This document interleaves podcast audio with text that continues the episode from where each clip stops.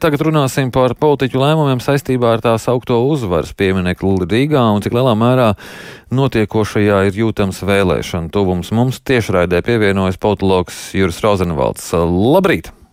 Labrīt!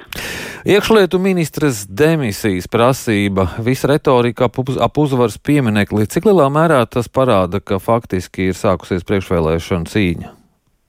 No priekšvēlēšana cīņa faktiski sākusies jau, jau agrāk, nu, vairāk sakot, orientācija uz vēlēšanām, priekšvēlēšana kampaņa. Ja.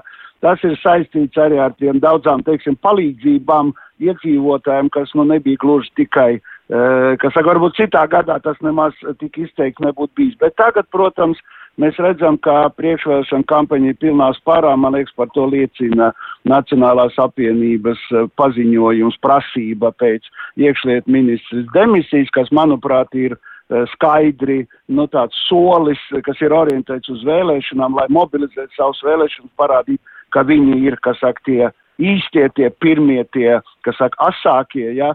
Un šajā paziņojumā, manuprāt, nu, savā ziņā mm, mēs varētu teikt, ka šis paziņojums ir, mm, ir skaidrs tāds, kas saka, izteikti populistisks, jā, ka, lūk, mēs esam tie pirmie, un turklāt viņi nesauc tos galvenos vainīgos, kas ir saistīti ar, ar tām kļūdām, kas tik tiešām tika pieļautas gan 9. gan 10. datumā. Uh, it īpaši ar to, nu, manuprāt, pilnīgi muļķīgo un nevajadzīgo pārsteidzīgo ziedu novākšanu, un šeit tad vajadzētu saukt valsts policijas priekšnieku un Rīgas pilsētas galvu, jā, kur ir tie, tie, manuprāt, pieļāva šīs lietas, jā. Un vēl Nacionālās apvienības paziņojumā, man liekas, ir vērts pievērst uzmanību vēl vienam interesantam momentam, ka viņi pārmet iekšlietu ministrei uh, notikumus 9. maijā. Kas ir noticis 9. maijā? Uh, iekšlietu ministre uh, pildīja to, uh, var teikt, to nostāju, kas bija valstī. Nebija aizliegts likt ziedus 9. maijā, līdz ar to šajā ziņā Nacionāla apvienība pretnostāda sevi arī valsts politikai zināmā mērā. Bet katrā ziņā tā ir skaidra, skaidrs mēģinājums nu, parādīt, ka lūk, mēs esam tie īstie, tie pareizie, sacenšoties gan ar jauno konservatīvo partiju, kas ir tuvākais sancens, gan ar pārējām koalīcijas partijām, man liekas, uz viņu reiķinu kaut kādā veidā paaugstināt savu, savu, savu reitingu. Jā, tas man liekas tas, ko es varētu teikt par šo Nacionālās apvienības paziņojumu. Jā, bet eh, šobrīd uh, politiķi ļoti ātri ir vienojušies par to, ka piemineklis būtu jānojauc, bet uh, kāda būtu politiķu rīcība, retorika, ja šogad vēlēšanu nebūtu, ja vēlēšanas būtu bijušas, piemēram, pagājušajā gadā, būtu kādas atšķirības? Es domāju, ka, ka tas, kas attiecās uz, um, uz uh, šī pieminekļa uzvaras parkā nojaukšanu, es domāju, ka, uh, ka uh, saimas vēlēšana tuvums uh, nu, tikai, nu, tikai nu, nelielā mērā, nu, vai ne galvenā mērā ir, ir ietekmējis šo procesu. Jā, jo ir skaidrs, ka pieminekļa nu, līdz, eh, kaut arī ir cerēts un pat eh, saimas priekšstādātāji teikusi līdz saimas pilnvaru beigām, ja es domāju, ka tas nav iespējams vienkārši. Bet, manuprāt, tomēr galveno lomu nospēlē, protams, karš Ukrainā, kas, kas sāsināja šo jautājumu un, un līdz ar to deva papildu argumentus tiem, kuri jau iepriekš izteicās par pieminiektu nojaukšanu.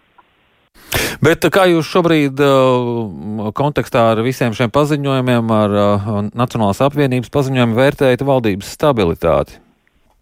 Uh, es domāju, ka Nacionāla apvienība pati ir norādījusi ar savu, ar savu vakardienas rīcību par to, ka nu, ka viņi rēķinājusies ar to, ka reakcija no partneriem, nu vismaz no attīstībai par, tā bija ļoti skaidra un, un noteikti, ka nē, Jā, un es domāju, ka, nu, grūti man teikt, ko teiks um, ministru prezidents atgriežoties no tālām zemēm, no Kanādas, jā, bet, uh, nu, iespējams, ka reakcija būs uh, līdzīga, tāpēc arī Zintarkungs ir paziņojis, ka mēs, ja mēs arī aiziesim no valdības, tad mēs tomēr valdību atbalstīsim, līdz ar to tas ļoti skaidri parāda, uh, ka arī tādā gadījumā, ja valdība darbosies trīs partneru koalīcijā, ja, nu tad nekas radikāli nemainīsies, ka tas ir pirmām kārtām priekšvēlēšanu solis. Tad Kariņš var justies puslīdz droši.